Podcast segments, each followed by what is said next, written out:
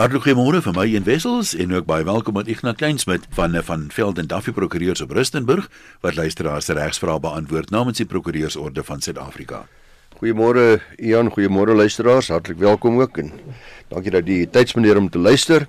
Ek gaan probeer om 'n paar interessante sake van julle te bespreek vandag. Die eerste een handel oor die verdeling van bates Ian by die beëindiging van 'n permanente lewensvennootskap. Nou is 'n saak wat onlangs in 2018, einde van 2018 bereg was in die Wes-Kaapse Hooggeregshof in die saak van Boysen versus Stander. Daardie party vir sowat 17 jaar saamgewoon in 'n permanente verhouding, nie getroud nie. Toe die verhouding tot 'n einde kom, toe word die eiser, dis nou Boysen, die gesamentlike eienaarskap van hulle onroerende eiendom beëindig en hy wou eis dat die verwederde lening moes terugbetaal sê jy skuld by geld, daar bestaan nie 'n gemeenskaplike boedel nie en jy skuld by geld wat jy moet terugbetaal.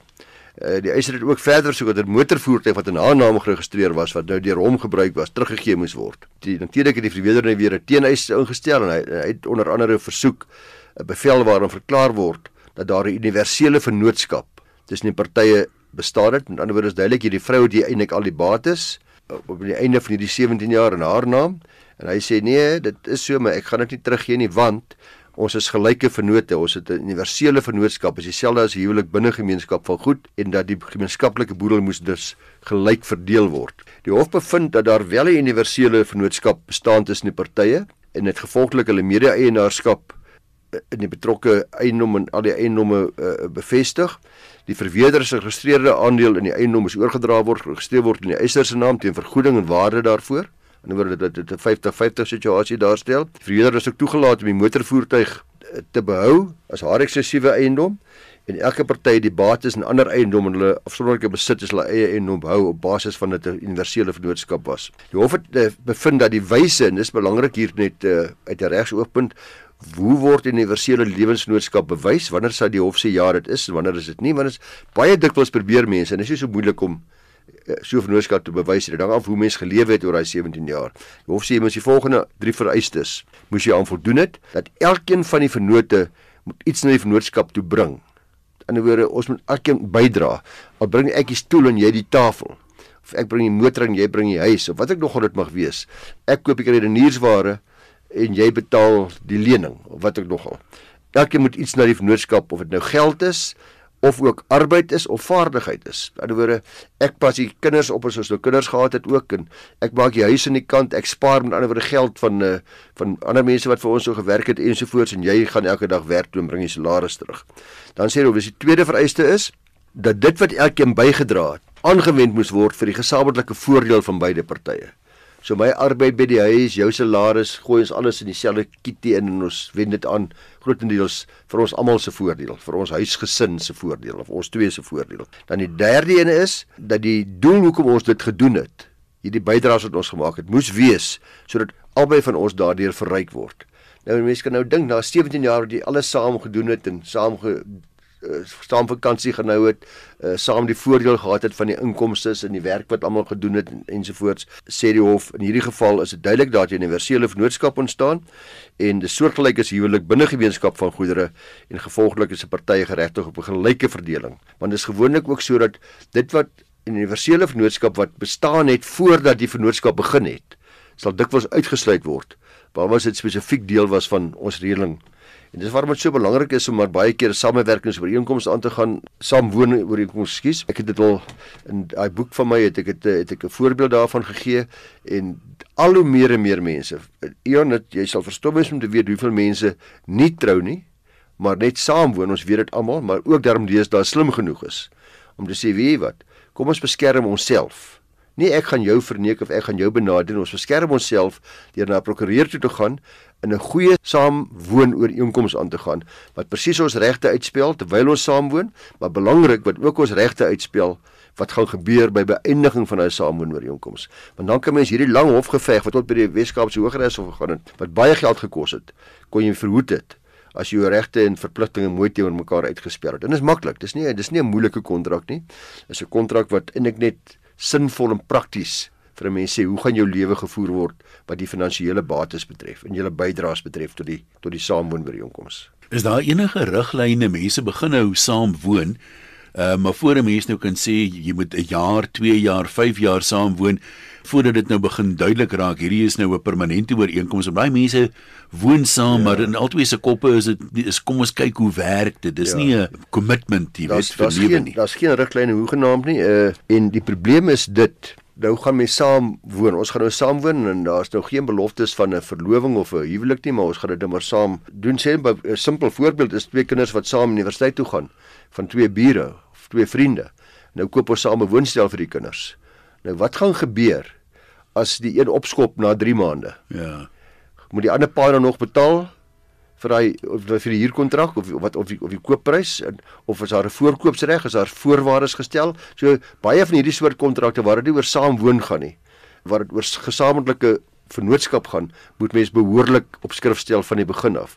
Maar by saamwoon is die probleem mense soos jy sê gaan nie in met die gedagte ons gaan 20 jaar saamwoon nie. Ons gaan dalk 'n jaar saamwoon en dan trou en baie keer word die jaar 2 jaar en dan word dit 3 jaar en die probleem is dan dan is daar klare klompie bates wat so half nie weet aan wie wat behoort nie en dan is een party dikwels word geïndoktrineer of geïntimideer en net nie meer die moed om te sê nou vertrou ek jou nie meer nie. Dis nou 'n mosie van wantroue om te sê nou moet ons prokureur toe gaan met 'n ooreenkoms. Die ander party sê ja. nou hoekom wat gaan nou aan? Gaan ja, vertrou jy my nie? 5 jaar saam. Ja, ons is 5 jaar saam en nou skielik sê ek gaan jou verneek of jou of jou of jou straat los of wat ek nog gaan. Dit maak dit alles moeilik. Nou ek betoog maar net altyd vir mense wat gaan saamwoon, gaan liewer so gou as moontlik daai ooreenkoms aan, want dis die manier waarop mens vriende bly. Dis waar die manier op mens spanning vermy, dis die manier waarop jou verhoudinge 100 keer beter kans het om suksesvol te wees, omdat almal weet waar hulle staan finansiëel. Altwee is geborge, altwee het sekuriteite ingebou in die ooreenkoms en dit is net soveel makliker as om selfs na 'n jaar of 2 of 3 dan net mekaar te gaan. Al veg jy al veg jy net oor die motor wat jou pa vir jou help koop het en nou skielik ry hy met hom en hy het hom in sy naam gaan registreer of vice versa. Dan is dit al klaar 'n groot ding wat jy gedoen het om oor die inkomste op te stel. Bly maar goeie raad. Ja terwyl ons oor ongetroude mense praat kry ek nog baie gereeld skrywes baie navrae van ongetroude vaders veral wat allerlei probleme ervaar met betrekking tot die uitoefening van die kontak met hulle minderjarige kinders uh waar dis nou kinders wat buite die huwelik gebore is, sogenaamde buiteegtelike kinders. En ek gaan maar weer 'n keer net vinnig vir ons luisteraars sê wat is so pa se regte en verpligtinge en hoe kan dit afgedwing word? Want dit is as ek nou elke briefie beantwoord sal ons elke tweede week daaroor praat. Een, ek sou dit so eenmal elke jaar of twee wil ek net weer dit noem. Want almal se probleme is presies dieselfde. Dikwels is dit maar 'n ma wat kwaad is. Dikwels is daar oumas en oupas wat ook gif pomp wat ook 'n rol speel daar dat die dat hierdie hierdie klein donder wat dan nou my kind verwagtend gemaak het, gaan nie die klein ding sien nie. Uh daar's dikwels ook geval van die pa kan nie bydra finansiëel nie, hy's werkloos. Dan word dit ook gesien as 'n beletsel. Anderswoorde as jy nie bydra nie, dan sien jy nie jou kind nie, klaar. Dan vat ons hom weg van jou af en jy mag nie kom besoek nie ensovoorts nie. So ter aanvang baie belangrik om te noem dat ons Kinderwet 38 van 2005 wat seker as een van die mees progressiewe kinderwetgewing in die wêreld beskou word, dat hierdie wet omvattende beskerming gee vir die regte van alle kinders en ouers. Dit sluit dan ook spesifiek beskerming in vir die ongetroude pa, ongetroude vader. Dis vervat in artikel 21 se artikel 1 'n klein b van die hierdie betrokke wet 38 van 2005. Hierdie artikel handel spesifiek oor die regte en verpligtinge, ook die verantwoordelikhede van ongetroude ouers. Hierdie bepaling poog om te verseker dat 'n pa wat nog nooit met die kind se ma getroud was nie, en ook nie van voorneme is nie om te trou nie, maar wat werklik belangstel in sy klein ding en wat wil deel wees van daai kind se lewe. Dat so 'n pa, luister wat ek gesê het, hy stel belang, hy's van die begin af wil wys hy sy hy wil betrokke wees. Hy stel belang in sy kind se lewe en hy wys hy wil deel wees daarvan. Is nie kom hy kom na 7 jaar hier aan dat die kind al amper weet 7 jaar oud is nie. Dan miskielik wil hy nou maak of hy belangstel nie. Dan is daar ander reeltjies wat geld. Maar die gewone pa wat van die begin af belangstel, hy word op dieselfde voet geplaas as enige ander pa. Presies dieselfde regte as die pa wat getroud was met die ma terwyl die kind gebore was. In terme van artikel 21 kan 'n ongetroude pa in twee omstandighede volle regte en verantwoordelikheid in opsig van hulle kind verkry, volle regte. Ek sê wie net soos enige ander geskeide pa. Dit sal moontlik wees indien die pa ten tye van die kind se geboorte saam met die moeder gewoon het, nie getroud nie, saam met die moeder gewoon het of in 'n permanente lewensverhouding betrokke was.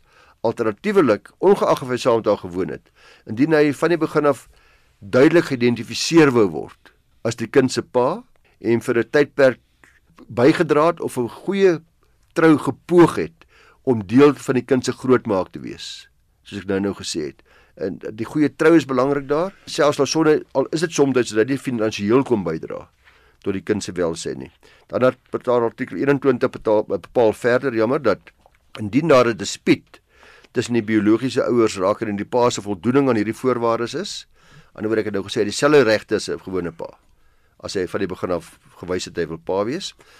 Dan moet hierdie maar as hulle stry daaroor of hy nou regtig van die begin af so oulik was soos wat hy behoort te gewees het, dan moet die aangeleentheid vir mediasie na gesinsadvokaat, maatskaplike werker of ander gepaste gekwalifiseerde persoon verwys word. So daar's 'n mediasieproses wat dan deur die wet voorgestel word en uh, ons kinderhowe wat ook deur die kinderwet geskep is terloops en wat daar gestel is om hierdie wet behoorlik te laat uitvoer, word dikwels deur die gesinsadvokaat of maatskaplike werkers bygestaan om te beslis oor die pa se regte ten opsigte van hierdie kind kontakregte, naweke, vakansies, wat ook nogal dit mag wees.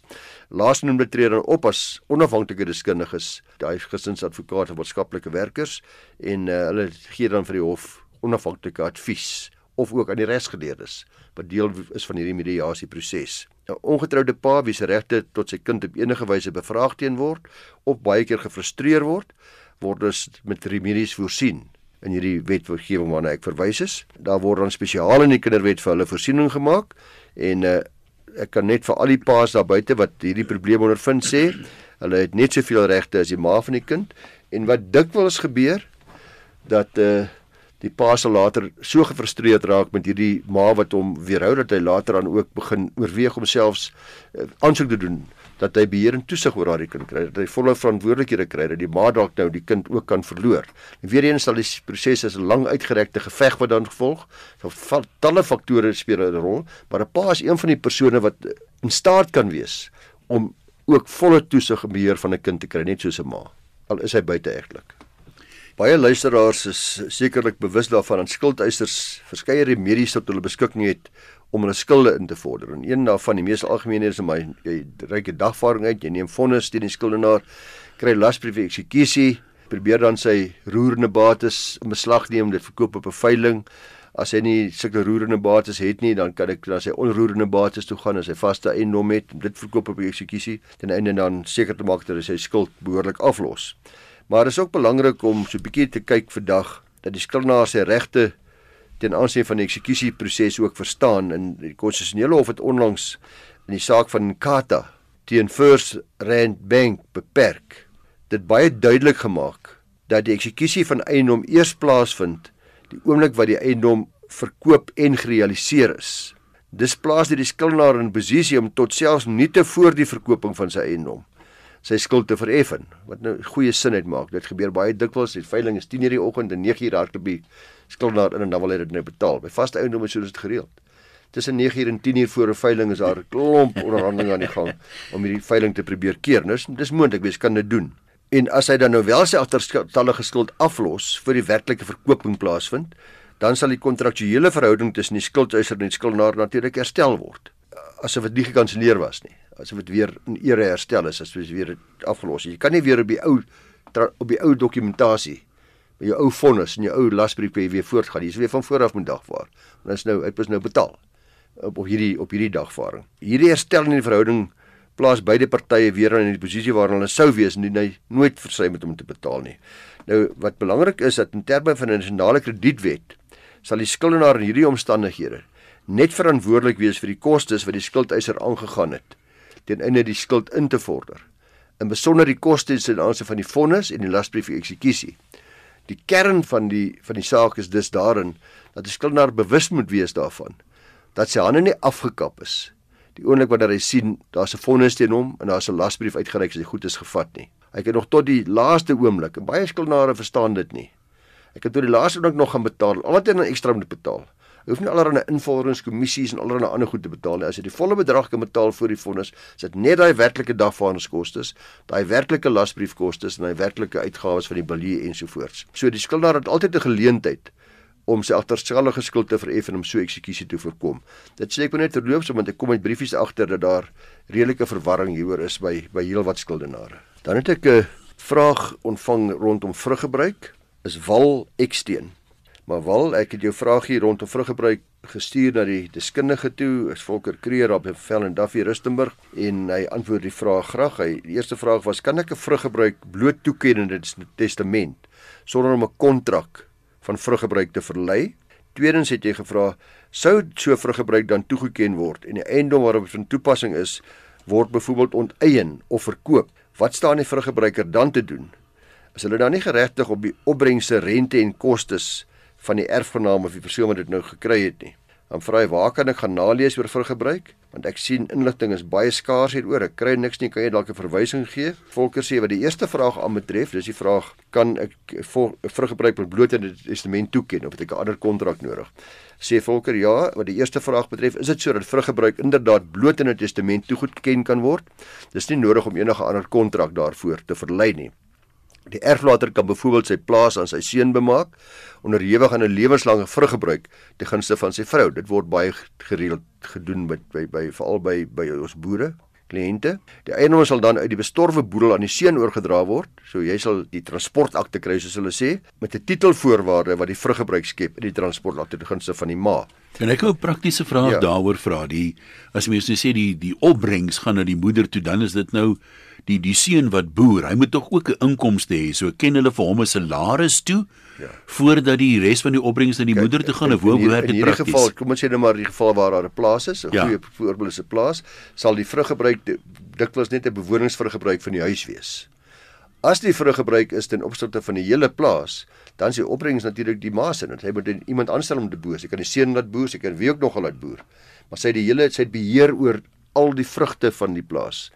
Uh maar dikwels sê jy sien dat dit gaan net die vruggebruikster gee vir haar die reg van bewoning van die woonhuis op die plaas en die seun sal aangaan met die boerdery maar weer eens as dit anderste om is dan sal die ma geregte wees op al die vrugte en natuurlik sal die seun 'n salaris by haar kry as hy dan nou of verseker 'n ander boer ook aanstel hy hoef nie die die iemand uiteindelik erf die boer te maak nie dit sal 99 van die kere so wees maar dit is nie noodwendig dit is noodsaaklik nie. Dankie. Uh so die titelvoorwaarde in die transportakte is genoeg om aan die om die vruggebruikers uh, se saaklike reg te vestig. Nou wanneer 'n eiendom verkoop of onteien word, soos die tweede vraag vra, dan moet albei die vruggebruiker en ook die eienaar, die bloot eienaar, die iemand dan nou in inderdaad die eienaar is, toestem tot so 'n verkoping. 'n Bloot eienaar is 'n persoon wat 'n eiendom besit wat onderhewig is aan 'n vruggebruik en nie een van die twee kinders alleen optree nie. Ek kan nie my vruggebruik, ek kan nie 'n eiendom verkoop om net omdat ek vruggebruiker is nie. En die bloot eienaar kan ook nie die eiendom verkoop sonder om my as vruggebruiker se toestemming te kry nie. Albei van ons moet toestem tot daai verkoping. Hulle moet dan ook ooreenkom hoe die opbrengs tussen hulle verdeel gaan word, want die vruggebruiker is geregtig op 'n sekere deel van die opbrengs van daai verkoping. Nou daar is sekere tabelle, daar's formules wat gebruik word deur prokureurs, vasgestelde tabelle waar volgens die waarde van 'n vruggebruik bereken kan word. En dis gebaseer op die waarde van die eiendom dan die ouderdom van die vruggebruiker. Nou dit spreek van self, hoe jonger die vruggebruiker, hoe groter is uiteraard die waarde van die vruggebruik. Hoe ouer die kyk nou normale lewensverwagting van 'n vruggebruiker, dan sê mevrou jy het nog 10 jaar om te lewe, volgens die tabel moet jy net 17% van die waarde van die eiendom kry. Jy het nog 30 jaar om te lewe, jy is nog jonk, dan jy dalk 35% van die waarde van die eiendom kry. Want daar is tabelle wat dit bepaal want omdat die lewensverwagting uiteraard korter is, is die vruggebruik minder werd. Nou die lewensverwagting kan nog 10 jaar wees. 'n Bus kan jou môre doodry, maar dit is net maar die regverdigste manier ja. om dit nou te bepaal. Dis ongelukkig so want dit is die dis die risiko wat jy loop. Dit word by 'n sekere formule bepaal wat normale lewensverwagting betref. Jy kan dalk ook 'n bietjie ouer word. Jy kan jy kan ook ouer word. Dis is so. Nou uh maar die laaste vraag van die luisteraar betref kan ek maar net vinnig sê dis hoe dit nalees Waar kry ek materiaal hieroor? Kan ek maar weer verwys na as baie ander prokureurs wat uitstekende webtuistes het, veral vir die groter firmas ook. Van Fell and Duffy se webtuiste is daar 'n klomp vrae en antwoorde oor boedels en testamente en dan word onder andere ook 'n klompie goed oor vruggebruik gehanteer. Maar as jy net die woord vrug gebruik, dis nou weer uh, VVD se VVD se webtuiste, net die woord vruggebruik gaan soek en onder hom sê jy verskeie artikels kry oor die onderwerp van vruggebruik. Goed, ek kan nog een doen. Dan nie te lank is nie. Ek kry 'n brief van 'n persoon wat wat hom vra hy moet asseblief anoniem bly. Hy sê elke jaar in ons algemene jaarvergadering word daar baie duidelik gestel dat die teenwoordigers daar wil nie graag mense op die bestuursliggaam laat verkies wat nie in die dorp bly nie. Is dit 'n jaarvergadering van hulle van 'n deeltitelontwikkeling? Ah, goed. Ja. Ons is meestal eienaars wat vakansieplekke in hierdie kompleks het. Ek voel dit is onbillik net bevoordeel die verkiesing van plaaslike persone. Is nie gesond nie, want dit is 'n boetie boetie storie. So wat so hy is bekommerd oor die feit dat mense sê, "Wie kom ons met liewerste mense wat hier bly, permanente inwoners. Moenie laat die vakansiemanne die die plek hier oorneem. Want ons ouens wat permanent hier woon, die plek bestuur." Nou uh, ek het die briefie gestuur vir Retief om Willie, hy sal die wat gereeld luister sal weet dat hy vir ons elke keer kom inlig oor alles oor deeltitelbestuur en die wetgewing daarop van toepassing en spesialis op die gebied. Hy sê uh daar kan nooit 'n reël wees dat slegs persone wat bly by dorp waar die kompleks is, trustees mag wees nie. En enige versoek dat dit so gedoen moet word sal natuurlik totaal ongeldig wees en onredelik wees en kan net doeteenvoudig geïgnoreer word. Hy sê ek dink meneer so en so en van die ander eienaars moet mekaar nomineer as trustees vir die volgende algemene jaarvergadering. Hulle is ten volle geregtig om te doen, maak nie saak of hulle net een keer 'n jaar daar kom of of of uh, waar hulle woon nie. En uh onthou sê die nominasie moet minstens 48 uur voor die vergadering by die bestuursagent wees. So dis ook weer 'n ding. Hulle kan nou hier kom sê as moet liewers nie vir so en so stem nie. Ek bedoel maar uh dan kan jy met gemakvol sê maar dit is totaal onbillik om dit te verwag. Elkeen van ons het dieselfde reg om by bestuursliggaam te dien. In elk geval ons is klaar genomineer. Ja. Ons moet 48 uur voor die vergadering moes ons nominasies al reeds ingedien gewees het by die bestuursagent. Jy sal waarskynlik vind dat die mense wat daar permanent woon, meer gereeld die jaarvergadering bywoon. Die vakansiegangers nie altyd nie, ja. maar dit steeds stemreg en hulle kan by wyse van volmag iemand aanwys om namens hulle te stem. Jy sal waarskynlik ook vind en daaraan kan mens niks doen nie uh, vir die luisteraar nie. Dat daar is waarskynlik so 'n bietjie van 'n stemwerwingkie onder die mense wat permanent daar woon. Hulle ken mekaar so 'n bietjie beter. Hulle gaan waarskynlik vir mekaar ondersteun, maar dit is hulle goeie reg om te ondersteun vir wie hulle wil. En dis ook hulle goeie reg om nie te stem vir mense wat net een keer 'n jaar daar kom nie. Omdat dit dalk baie moeiliker is om op afstandswyse die bestuur te hanteer op 'n dag tot dag basis. Dan sê uh, Tritief ook sommer net terloops, onthou eienaars is geregtig op notules van alle trustees vergadering en by die algemene jaarvergadering moet hulle ook behoorlik verslag doen van al hulle aktiwiteite en eienaars kan hulle ook daaroor uitvra. Dan sê hy as die situasie hande uitdruk, mag eienaars vra dat 'n spesiale algemene vergadering gehou word waar trustees dan afgedank word vir alles wat hulle dan op 'n onbillike wyse uh wil verseker dat mense wat nie daar woon nie nie verkies word nie. So dankie aan Retief daarvoor. Ons het so 'n minuutjie oor. Ek dink ons moet die tyd gebruik om miskien net weer vir mense te sê Ignas kry nog steeds baie gereeld briewe van mense wat in uh, benoude hoeke staan wat die reg betref en dan wil hulle graag hê maar hy moet hulle verteenwoordig. Dit werk ongelukkig nie so nie. Ons is hier op nasionale radio en die program word aangebied deur die Prokureursorde van Suid-Afrika juis om luisteraars breedweg te bemagtig. So ons gebruik jou vrae en jy sal dikwels hoor dat Ignas 'n bietjie meer in die algemeen praat daaroor. Uh, telefoniese konsultasies en so aan die doen hy nie en ek dink die mense kan redelikerwys van hom verwag om dit te doen nie. Sy goeie raad is altyd as jy dringend iemand nodig het om 'n eis teen te staan of wat ook al, is om 'n prokureur in jou omgewing te sien. Dit is net baie makliker wat kommunikasie en so aan ook betref en uh, soms kry ons vrae met lyste en lyste aanhangsels van kontrakte en allerlei tipe van goed. Ons kan dit ons het net nie die mannekrag om dit so te hanteer nie. So hou jou vraag kort en bondig. Is altyd interessant as mens bietjie inligting by het wat dit sal moontlik maak om dit uh, beter te beantwoord goed soos as jy binne of buite gemeenskap van goed getroud byvoorbeeld, maar uh, stuur die vraag gerus.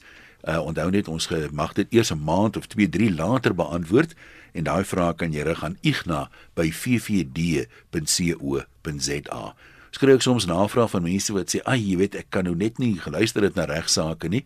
half 12 op 'n maandag nie. Juis vir julle is die al die regsaake programme as potgoeie beskikbaar. Jy gaan na die webwerf toe rsg.co.za, klik links bo in die bladsy op potgooi, dan maak daar 'n nuwe bladsy oop en dan kan jy of alfabeties afrol tot by R vir regsaake of jy kan regsaake as sleutelwoord intik en as al die programme daar met 'n kort opsomming van die inhoud daarvan, die jongste een heel bo, so jy kan dit dan op jou rekenaar aflaai om weer na te luister. Ek sê vir jou baie dankie dat jy geluister het. Ignas, baie dankie vir jou eh, wyse raad. Dankie Ian, plesier. Ons praat volgende maandag weer.